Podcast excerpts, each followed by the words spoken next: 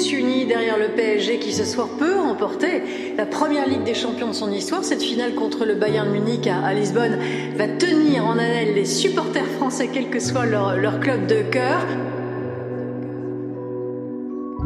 Na 50. rocznicę w 2020 roku zrobili sobie wspaniały prezent.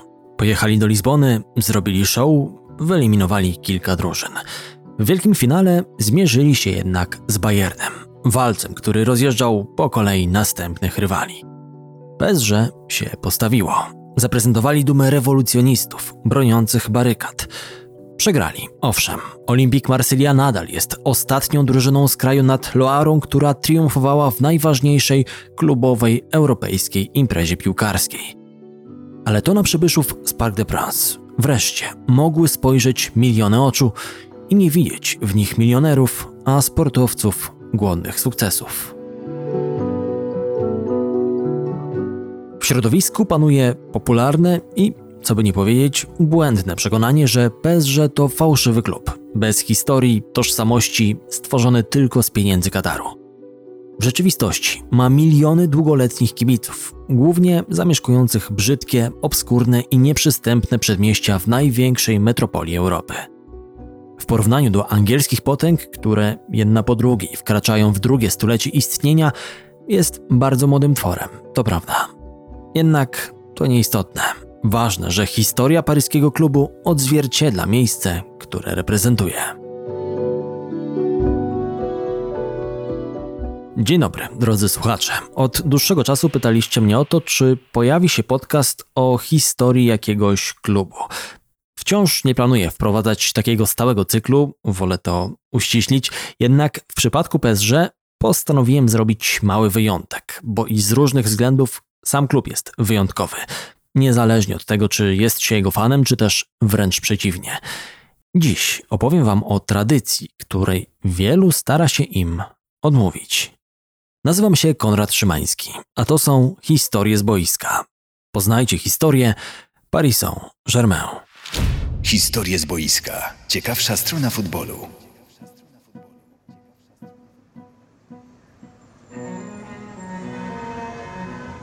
To paradoks, że w mieście, gdzie powstawały struktury profesjonalnego futbolu, gdzie w 1904 roku założono Światową Federację Piłkarską, a gdzie później wymyślono projekt Mistrzostw Świata, Mistrzostw Europy, a w końcu i Ligę Mistrzów, przez długie lata brakowało solidnego klubu. Gdy francuski futbol zaczął coraz bardziej utożsamiać się z proletariatem, elita Paryża zaczęła go lekceważyć. Dość powiedzieć, że gazeta, nazwijmy to wyższych sfer mieszkańców stolicy, czyli Le Monde, uruchomiła rubrykę sportową dopiero, uwaga, w 1995 roku. I to wbrew sugestiom wielu dziennikarzy, a także samych czytelników. W drugiej połowie ubiegłego wieku w Paryżu wiele się zmieniło. Napływ osób z biedniejszych regionów, Portugalczyków oraz mieszkańców Afryki Północnej zupełnie przekształcił to miejsce. Nowe przedmieścia przyćmiły starożytne miasto. Gdy w 1946 roku cała metropolia liczyła 6 milionów 600 tysięcy mieszkańców, z czego trochę ponad dwa w samym mieście, to w 1975, czyli prawie 30 lat później, region rozrósł się do 9 milionów, a dziś ma już 12, z tym że liczba osób w granicach miasta pozostaje niezmienna. Suburbia pękały w szwach, a miliony tzw. Tak boniusart, czyli braci z przedmieść, potrzebowały wspólnej tożsamości, symboli. Ostatnia próba stworzenia elitarnego paryskiego klubu została podjęta w 1970 roku. Co ciekawe, cegiełkę do powstania nowego tworu miał Santiago Bernabeu, legendarny prezydent Realu Madryt. To on przyjechał do Paryża wczesnym latem i spotkał się z grupą ambitnych biznesmenów. Musicie polegać tylko na sobie i na miłości Paryżana. Bernabeu zasugerował działaczom, aby rozpoczęli kampanię w celu zebrania podpisów dla przeprowadzenia fuzji dwóch drużyn Paris Football Club oraz Stade Saint-Germain. po tym jak ten drugi właśnie uzyskał awans do drugiej klasy rozgrywkowej. Zebrano 20 tysięcy podpisów, odpowiednie datki i 17 czerwca na piłkarskiej mapie Francji pojawiło się Paris Saint-Germain. Po raz pierwszy w historii francuskiej piłki kibice przyczynili się do powstania nowego zespołu. Po doświadczeniach z różnymi problemami PSG raz potrafiło się podźwignąć, awansując do ligę, a później znów spadali z elity, ale w końcu utrzymali stabilność pod prezydenturą Francisa Borelliego, który pełnił najwyższą funkcję w klubie od 78 do 91 roku. Dwa puchary Francji i jedno mistrzostwo pozwoliły usadowić się nowej drużynie głęboko w fotelu krajowych rozgrywek. PSG ciągle jednak nie potrafiło wykształcić swojej bazy fanów. Nadal wyglądało jak obcy element, zwłaszcza wśród tak tradycyjnych i wielkich drużyn jak Olympique Marsylia, Bordeaux czy Saint-Étienne. Paryżanie przeżywali krótki rozkwit na początku lat 90., kiedy sponsorem została prywatna stacja telewizyjna Canal Plus i gdy nowy właściciel zainwestował duże pieniądze w podpisywanie kontraktów z topowymi graczami światowej piłki George Weah, Ryan czy Leonardo. Swój szczyt przeżył w połowie ostatniej dekady XX wieku, osiągając półfinał Ligi Mistrzów w 1995 roku.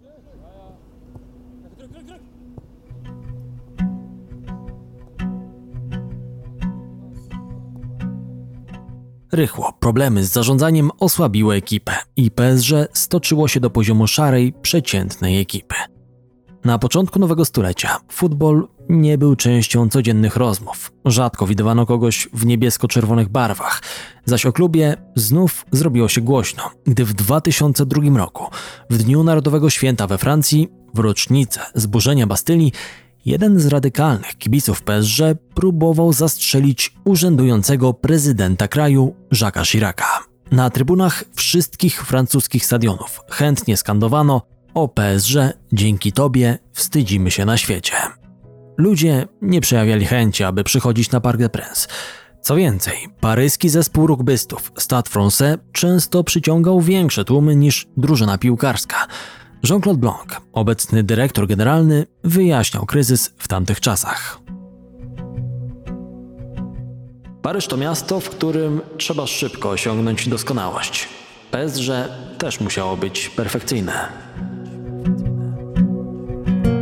nie było. Na przełomie wieków doskonałość to przeciwieństwo tego, co działo się w PSG.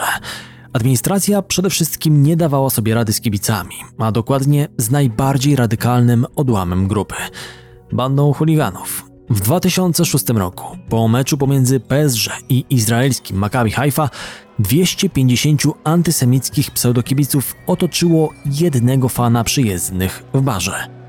Obawiając się, że dojdzie do publicznego linczu, interweniował policjant, strzelając do jednego z fanów paryskiego klubu. Przy okazji śmiertelnie go raniąc. W odwecie kibice potrafili nawet wkraczać na treningi swoich piłkarzy, grożąc im werbalnie, a nawet fizycznie. Niektórzy zawodnicy, jak na przykład Bonaventure Kalu, próbowali protestować i publicznie namawiać władze, by raz na zawsze zrobiły coś z chuligaństwem.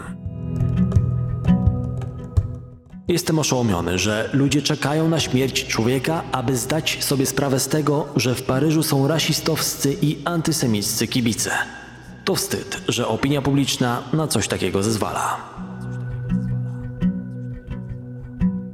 Najgorzej było w sezonie 2007-2008, gdy złość fanów przerodziła się w nienawiść, tylko dlatego, że zawodnicy obniżyli poziom sportowy. Po porażce 0 do 3 z Koł, trzeciej z rzędu, na jednej z trybun pojawił się transparent o treści jak z horroru. Jeśli spadniecie, my was zastrzelimy. Tego samego dnia sportowy samochód Sylvain Armonda został zniszczony, gdy bandyci wrzucili do niego metalową belę i rozbili przednią szybę. Rzucali kamieniami i butelkami w pojazdy innych graczy, a także obrażali każdego w zasięgu ich wzroku. Zapanował chaos. Dobrze pamięta to wszystko Jerome Roten, pomocnik Paryżan. Atmosfera stawała się coraz cięższa. Powinniśmy być zjednoczeni. Zamiast tego nasi fani byli przeciwko nam. Koszmar. Nigdy wcześniej ani nigdy później czegoś takiego nie przeżyłem.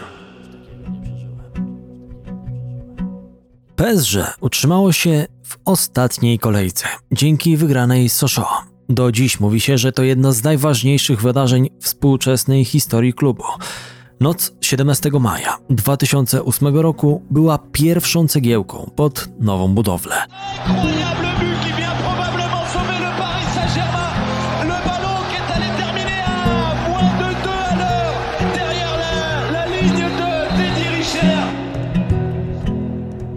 Gdyby piłkarze spadli do drugiej ligi, jest bardzo prawdopodobne, że przyszły futbolowy monopolista nie zostałby kupiony przez rodzinę królewską Kataru 3 lata później. Bez przeżyć w 2008 roku nie zdominowaliby krajowego podwórka od 2011 roku. A bez dubletu Diane w tej ostatniej kolejce pewnie na Parc des Princes mogliby tylko pomarzyć o Beckhamie, Ibrahimowiczu, Neymarze, Mbappe czy Messi. Wojna z fundamentalistami nabrała rozpędu dwa lata później. W marcu 2010 roku Jan Lorenz, członek neofaszystowskiego Boulogne Boys, zginął w awanturze frakcyjnej między ultrasami PSG. Właśnie z tego powodu, w roku poprzedzającym przejęcie klubu przez katarskich inwestorów, ówczesny prezydent Robin Lepru zakazał wszystkim zorganizowanym grupom kibicowskim wstępu na stadion. Tak radykalny charakter reform spowodował, że przyjęły nawet własną nazwę Le Plon Le. Zakulisowo mówiło się, że wyczyszczanie stadionu z chuliganów było jednym z warunków, na które dotychczasowe władze musiały przystać, jeśli Katarczycy mieli dokonać inwestycji w zespół. Musiały wyczyścić przedpole. Nowi właściciele później już tylko dokręcili śrubę i całkowicie wyeliminowały niechciany element z trybun. Historie z boiska. Ciekawsza strona futbolu.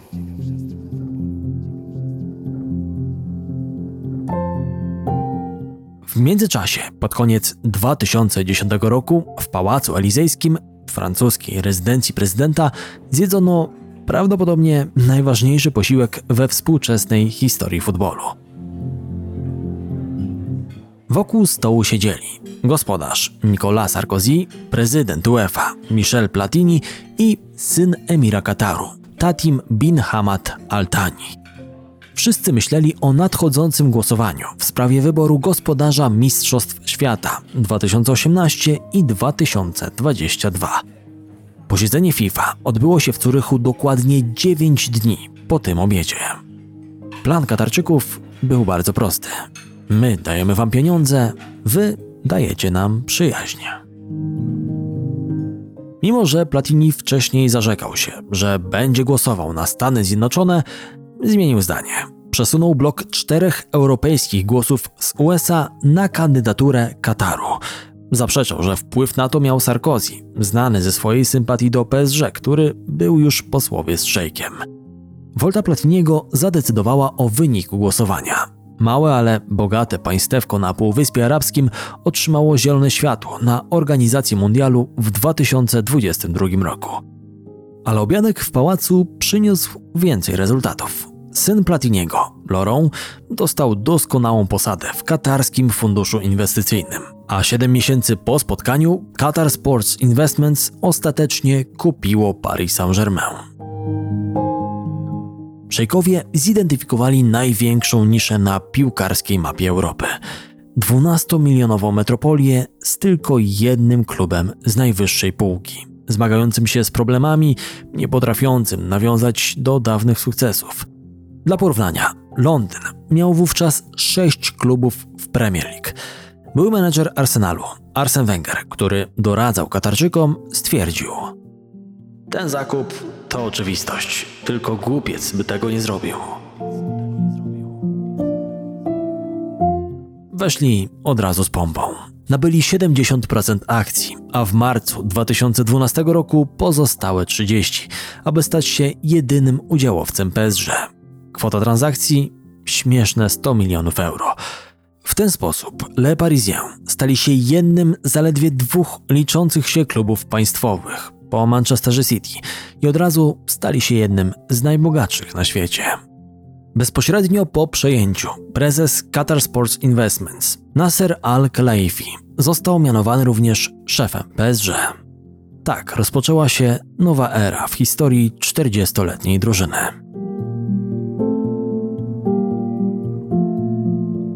To jednak Arabom nie wystarczało. Trzy tygodnie później, odkąd Qatar Sports Investments kupił drużynę, katarska stacja Al Jazeera rzuciła na stół ofertę za nadawanie francuskiej piłki klubowej.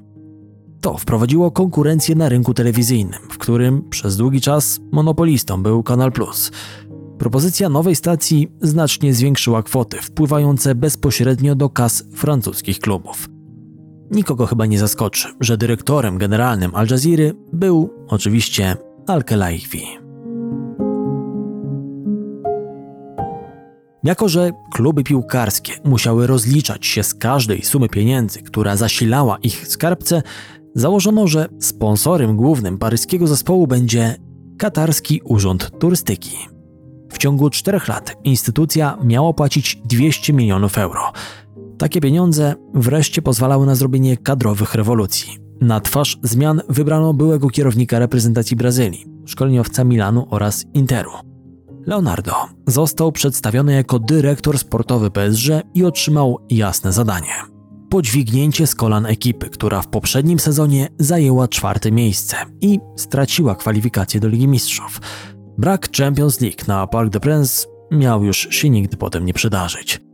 Leonardo dostał praktycznie nieograniczone środki, plastelinę, z której mógł ulepić zespół na swoją modłę. To projekt długoterminowy. Muszę się uczyć i stopniowo go budować. Paryż jest jedyną europejską stolicą, która nie ma konkurencyjnego zespołu w Europie. Teraz potencjał ma ogromny. Brazylijczyk od razu wziął się do roboty. Podpisał kontrakt z reprezentantem Argentyny, Javierem Pastore z Palermo, bijąc transferowy rekord Francji i płacąc 45 milionów euro. Wcześniej za około 40 milionów euro przyszło siedmiu innych graczy, w tym młodzi Francuzi, Jeremy Menes z Romy i Blaise Matuidi z Saint-Étienne. Paryż zawsze miał świetnych pisarzy, malarzy, muzyków i aktorów. Teraz dostał też kapitalnych piłkarzy. Al-Khelaifi dopiero się jednak rozkręcał. Szczerze mówiąc, mamy jasną wizję. Za pięć lat chcemy być jednym z najlepszych klubów w Europie. Chcemy wygrać Ligę Mistrzów.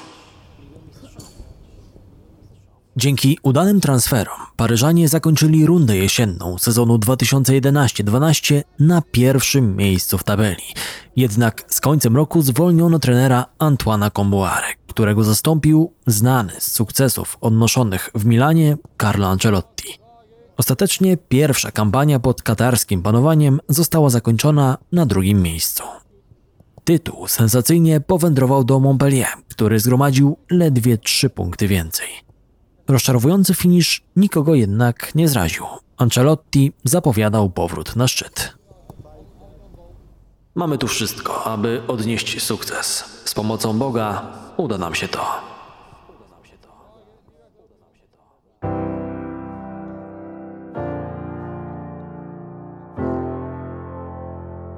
Dagars hårda förhandlingar presenterades idag Zlatan Ibrahimovic på en presskonferens i Paris. le Messi, l'attendu. Oh là là, Zlatan, Zlatan, Paris n'a plus que ce mot à la bouche. Boska siła rzeczy samej spłynęła do Paryża i to dokładnie 17 lutego 2012 roku. Zatan Ibrahimowicz, niezwykle utalentowany i seryjny zdobywca trofeów z dorównującym Muego, był pierwszą supergwiazdą nowej ery PSG. Odpowiedzialni za 20-milionowy transfer z Milanu chcieli zaznaczyć przybycie takiego formatu piłkarza w naprawdę dobrym stylu. Na dzień przed oficjalną prezentacją postanowiono, że po konferencji prasowej na Parc des Princes zostanie zabrany na improwizowaną sesję zdjęciową pod wieżą Eiffla, a następnie wybierze się na pola elizejskie, aby zrobić przyjemność kilkuset łowcom autografów. Wszystko to było częścią chęci wzmocnienia związku klubu z miastem. Paryż miał być centralnym elementem strategii brandingowej nowych właścicieli. Działacze jednak nie poinformowali lokalnych władz o planach związanych ze Szwedem. Turyści, którzy stali przed wieżą Eiffla i radośnie robili sobie zdjęcia, nagle zdali sobie sprawę z tego, że coś jest nie tak. Ibra pod błękitnym niebem, ostrzelanym przez cienkie chmury, pozował do zdjęć, trzymając niebieską koszulkę, a następnie wsiadł do auta przy akompaniamencie okrzyków Ibra oraz Merci Zlatan. Leonardo wspomina tę chwilę. To był najpiękniejszy bałagan, jaki kiedykolwiek widziałem. Właśnie o czymś takim marzyłem. To dzień, w którym PSG wkroczyło w nowy wymiar rok zero. I o ile wśród kibiców panowało podniecenie, w szatni wyczuwało się również wyczekiwanie. Mohamed Sissoko dobrze zapamiętał pierwsze dni Zlatana w zespole. Większość zawodników, zwłaszcza Francuzi, kiedy usłyszeli, że Zlatan przybywa, byli bardzo podekscytowani. To całkiem zabawne. Pamiętam rozmowy w szatni. Wszyscy znali jego historię, osobowość i sposób bycia. To uczucie. Jak powinniśmy się wokół niego zachować? Czy będzie miły wobec nas? Pojawił się i był bardzo pokorny. Pokazał wszystkim, że jest świetnym facetem. Normalnie wykonywał swoją pracę. Sześć dni po tym, jak został zaprezentowany w Paryżu, Ibra poleciał do Nowego Jorku, aby dołączyć do swoich nowych kolegów podczas przedsezonowego tournée po Stanach Zjednoczonych. Pierwszy trening oczami Sissoko wyglądał następująco. Pierwszą połowę spędził z trenerem fitness, a później przeszedł do nas. Pierwszym kontaktem przewrócił Jeremiego Meneza, następnie wziął piłkę, strzelił i wpadło w same widły. Wszyscy pomyśleli, aha, więc to tak teraz będzie wyglądać. Menez był jak małe dziecko, które zderzyło się ze ścianą. Kiedy oglądało się Zatana na przedmeczowych rozgrzewkach, wszyscy przy nim nie prezentowali się zbyt dobrze. Technicznie był potworem, a kiedy strzelał gole, biegł do fanów i napinał mięśnie. Krzyczał. Dla niektórych przerażający widok, ale Paryżanie go uwielbiali. Miał wszystko, by stać się ich idolem. Ibrahimowiciem żyła cała Francja. W ciągu dwóch miesięcy od przybycia miał własną marionetkę w programie kukiełkowym Le Guignol, a w lutym 2015 roku został uhonorowany miejscem dla swojej figury woskowej w Musée Grevin, paryskiej odpowiedzi na popularną londyńską Madame Tussauds.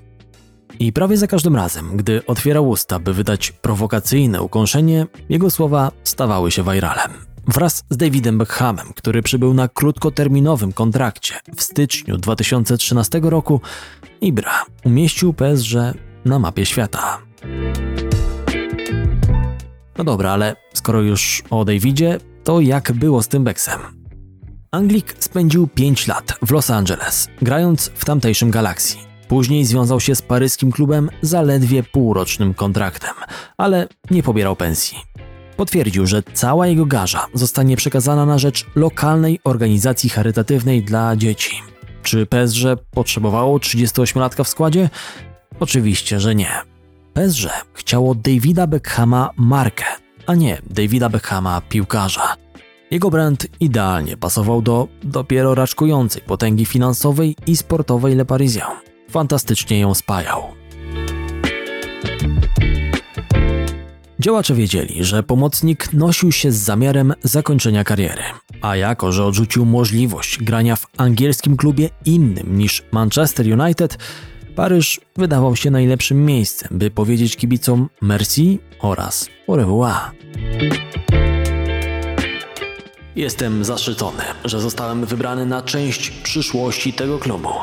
To ekscytujące miasto z drużyną, która będzie przynosiła wiele sukcesów w ciągu następnych 10, 20 i 30 lat. Ale więcej o przygodzie Anglika z paryskim klubem, jak i o całej karierze Davida usłyszycie niebawem w osobnym podcaście. Jest na co czekać.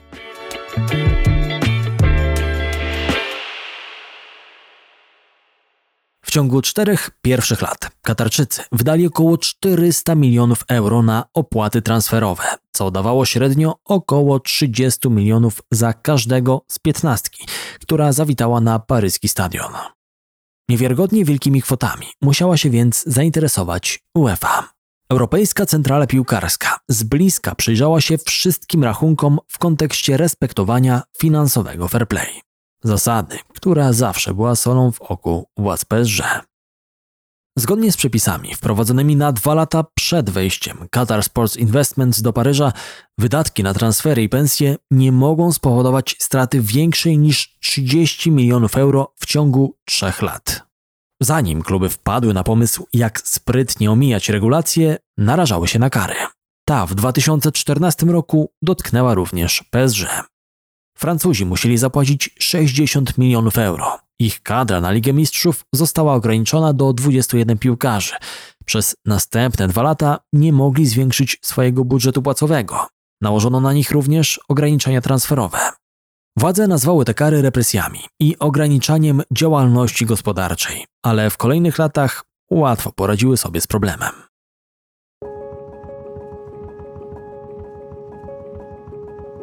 Tymczasem zespół rósł w siłę i rozpoczął nieprzerwaną dominację na krajowym podwórku.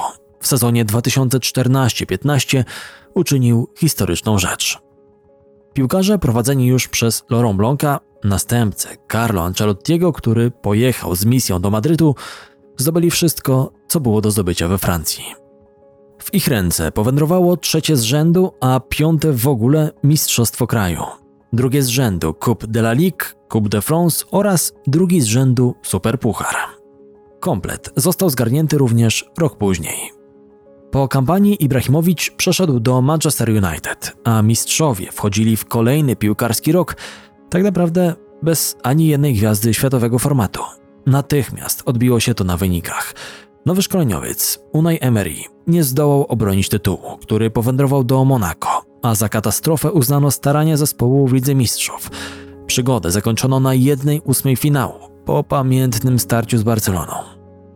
Wprawdzie w pierwszym spotkaniu zdemolowali naszpikowaną gwiazdami dumę Katalonii ze słynnym trio Messi, Suarez, Neymar 4 do 0, lecz w rewanżu doszło do Armagedonu i kompromitującej klęski 1 do 6.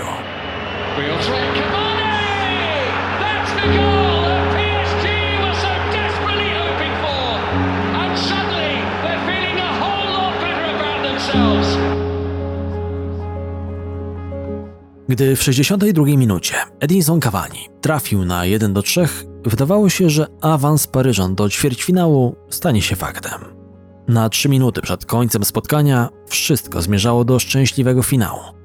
Ale wtedy przed Unajem Emery i spółką rozstąpiła się ziemia. Najpierw z rzutu wolnego w samo okienko przymierzył Neymar. Barcelonie zostały dwie minuty plus to, co doliczy sędzia, aby strzelić dwa gole i cieszyć się z awansu. Niemożliwe? Jak doskonale pamiętacie, właśnie to się wydarzyło. W pierwszych 60 sekundach doliczonego czasu sędzia Denis Ajtekin podyktował karnego po kontrowersyjnym faulu na Luisie Suarezie, którego bez problemu wykorzystał Neymar. Neymar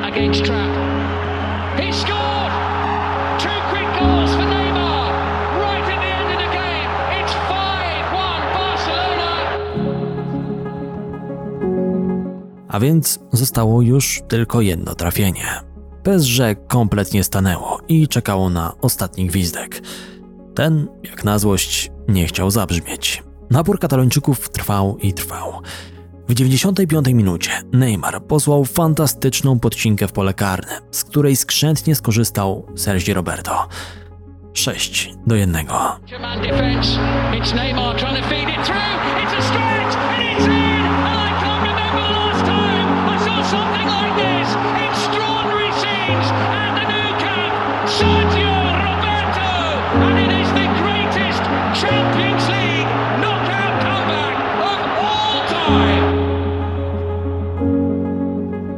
Szał na Camp Nou. Piłkarze płakali ze szczęścia. Luis Enrique szalał przy linii bocznej boiska.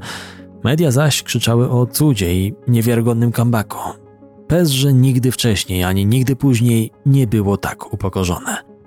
Wszyscy grali jednakowo słabo, a za kompromitację obwiniano głównie sędziego.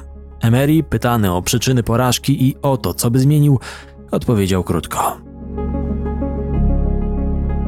W tym meczu wymieniłbym tylko arbitra. Nie podyktował nam dwóch jedenastek. Suarez symulował, sędzia dał się nabrać. Inni, jak Rabio, byli nieco bardziej samokrytyczni. Całe nasze mozolne przygotowanie obróciło się w gówno.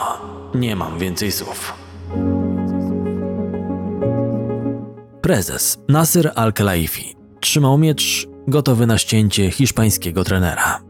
Wielu podpowiadało mu, że powinien to zrobić. Wymieść cały sztab szkoleniowy, sprzedać leniwych piłkarzy, a nawet wycofać się z francuskiego futbolu. Ale szef miał zupełnie inny plan. W dodatku ściśle związany z największym bohaterem tamtej nocy.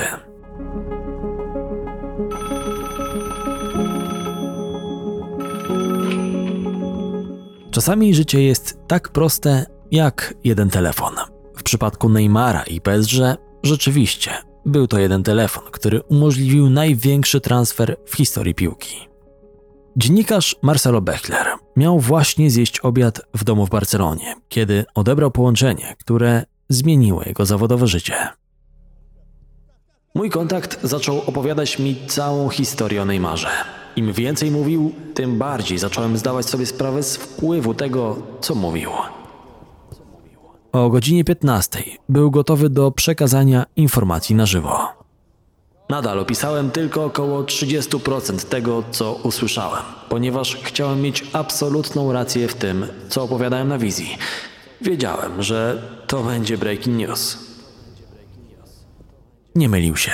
W ciągu kilku godzin historia rozprzestrzeniła się na cały świat. Bechler udzielił wywiadów w 20 krajach i miał trudności z dostępem do swoich mediów społecznościowych z powodu zalewu powiadomień. To był pierwszy raz, kiedy doświadczył czegoś takiego jako dziennikarz, a wystarczyło jedno zdanie. Neymar przyjął ofertę opuszczenia hiszpańskiego giganta.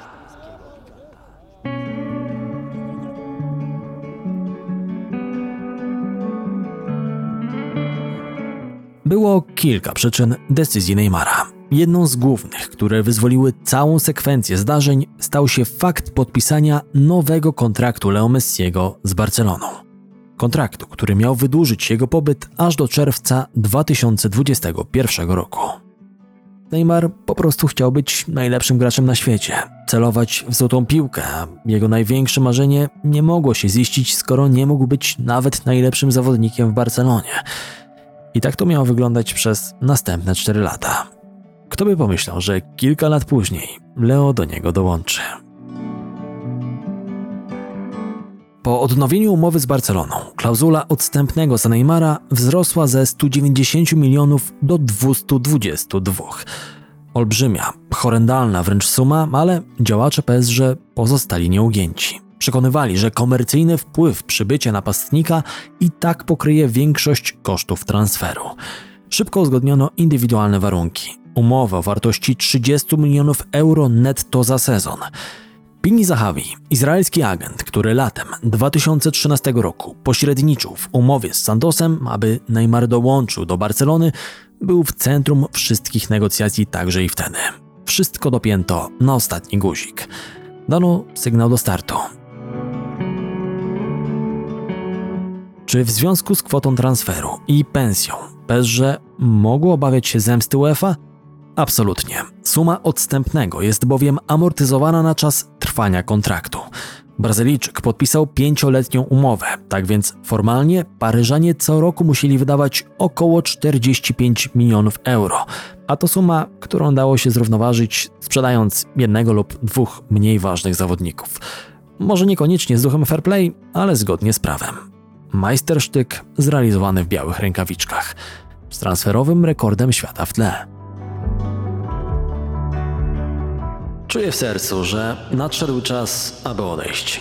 PSG będzie moim domem przez kilka następnych lat i będę starał się szanować zaufanie, jakim darzą moją grę. To trudna decyzja, ale podjęta w miarę dojrzałości moich 25 lat. Chciał być szefem, być w centrum uwagi, być pretendentem do złotej piłki. Chciał także nowego wyzwania, wygrania wszystkiego w nowym środowisku, w nowych barwach. 4 sierpnia 2017 roku ogłosił decyzję. Jego matka i siostra przyleciały z Brazylii do Paryża i wprowadziły się do apartamentu w luksusowym hotelu Royal Monceau w centrum miasta. Neymar w prezencie od Javiera Pastore otrzymał numer 10 na koszulce, który wcześniej należał do Zlatana. Po rocznym kryzysie PSG znów miało być wielkie. Tym bardziej, że tego samego lata pod wieżę Eiffla zawitała kolejna, tym razem wschodząca gwiazda futbolu Kylian Mbappe. Nie chcąc się narażać na gniew rządzących w UEFA, Katarczycy postanowili go wypożyczyć, a kwotę 145 milionów odłożyć na przyszły rok. Monaco uzbroiło swych największych konkurentów do mistrzostwa w drugą śmiertelną broń. Od tej chwili dominacja PSG we Francji miała nie ulec zachwianiu, a przynajmniej w teorii. Pod rządami Katarczyków sezony PSG układały się w przewidywalnym rytmie. Niszczenie przeciwników w rozgrywkach krajowych, a następnie zwykle w jednej ósmej lub jednej czwartej finału Ligi Mistrzów bolesna, a czasem nawet upokarzająca lekcja futbolu od europejskiego giganta. Triumf w Lidze Mistrzów stał się obsesją. Obecność Neymara w tym względzie też niewiele dała. W pierwszych dwóch sezonach Brazylijczyk przegapił rundy pucharowe Champions League z powodu kontuzji. Drużyna bez niego nie mogła się oprzeć Realowi Madryt i Manchesterowi United. Gdy gra, wszystko się zmienia. Słońce wschodzi nad Paryżem, ekipa zaś potrafiła dotrzeć nawet do finału rozgrywek. Najnowsza historia pod tytułem Messi w PSG to jak na razie więcej szumu niż realnej wartości piłkarskiej. Choć być może słuchacie tego podcastu kilka miesięcy po publikacji i zwycięstwie PSG w Lidze Mistrzów. Albo kolejny raz z politowaniem właśnie uśmiechnęliście się pod nosem po porażce Paryżan w ćwierćfinale. Faktem jest, że na razie Messi zawodzi i z pewnością wszyscy oczekiwali od niego więcej. Jednak samo przyjście piłkarza tego formatu do PSG jest sukcesem i ornamentem, niejako zwieńczającym drogę, którą wytyczyli nowi właściciele przeszło dekadę wcześniej. I choć nikt nie wątpi w geniusz Neymara czy Leo, najcenniejszym graczem PSG wydaje się być Mbappe, którego być może w końcu dosięgną macki Realu Madryt. Mimo trudnej w ostatnim czasie relacji z kibicami, jest bohaterem peryferii, którego klub szukał od dziesięcioleci. Próba namaszczenia Nikolasa Anelki przyniosła odwrotny skutek 20 lat temu, po serii wewnętrznych konfliktów, które nękały stare Paris Saint-Germain. Dziś za granicą grają wielcy piłkarze z Paryża i przedmieść, tacy jak Paul Pogba, N'Golo Conte, Riyad Mahrez czy Kingsley Coman. To jednak Mbappe zdecydował się na grę w rodzinnych stronach. Pochodzi z Bondy, suburbii Paryża, które wygląda jakby ktoś wrzucił kutno do starej francuskiej wioski, a następnie dodał tam fast foody i zabytkowy dworzec. Oczywiście z całym szacunkiem dla wszystkich słuchaczy z Kutna. Syn ojca Kameruńczyka i matki Algierki jest przykładem sportowca idealnego. Nawet zdobycie Mistrzostwa Świata z Francją w 2018 roku, w wieku 19 lat, nie zaburzyło jego głowy. Nic dziwnego, że od lat nad jego sprowadzeniem pracują królewscy. Prawdopodobnie nigdy by go tu nie było, a w Madrycie spędzałby dziś pewnie drugi lub trzeci sezon, gdyby dekadę wcześniej nie doszło do spotkania na szczycie w Pałacu Elizejskim. Do Paryża nigdy nie zawitałby Neymar. Zlatano mijałby Francję szerokim łukiem. Messi być może omawiałby właśnie z Guardiolą taktykę w nadchodzących meczach City, a Liga Mistrzów nadal byłaby rozpamiętywana dzięki fantastycznym golom George'a Weah w latach 90. Na trybunach Parc des Princes ciągle rządziłyby szajki chuliganów, zaś na ulicach chętniej rozmawiałoby się o rugby niż o piłce nożnej. Tam na przysłowie pieniądze szczęścia nie dają, reaguje się w najlepszym przypadku z politowaniem i wskazywaniem na logo PSG. Szczęście dały, owszem, ale jeszcze nie pełnię szczęścia. Do tego potrzebny jest europejski skalp. No właśnie, dajcie znać w komentarzu pod tym odcinkiem na YouTubie, czy waszym zdaniem PSG w końcu w tym sezonie zdobędzie upragnioną Ligę Mistrzów. Chętnie poczytam wasze opinie. Tymczasem to wszystko na dziś. Konrad Szymański, kłaniam się nisko i do usłyszenia. niebawem.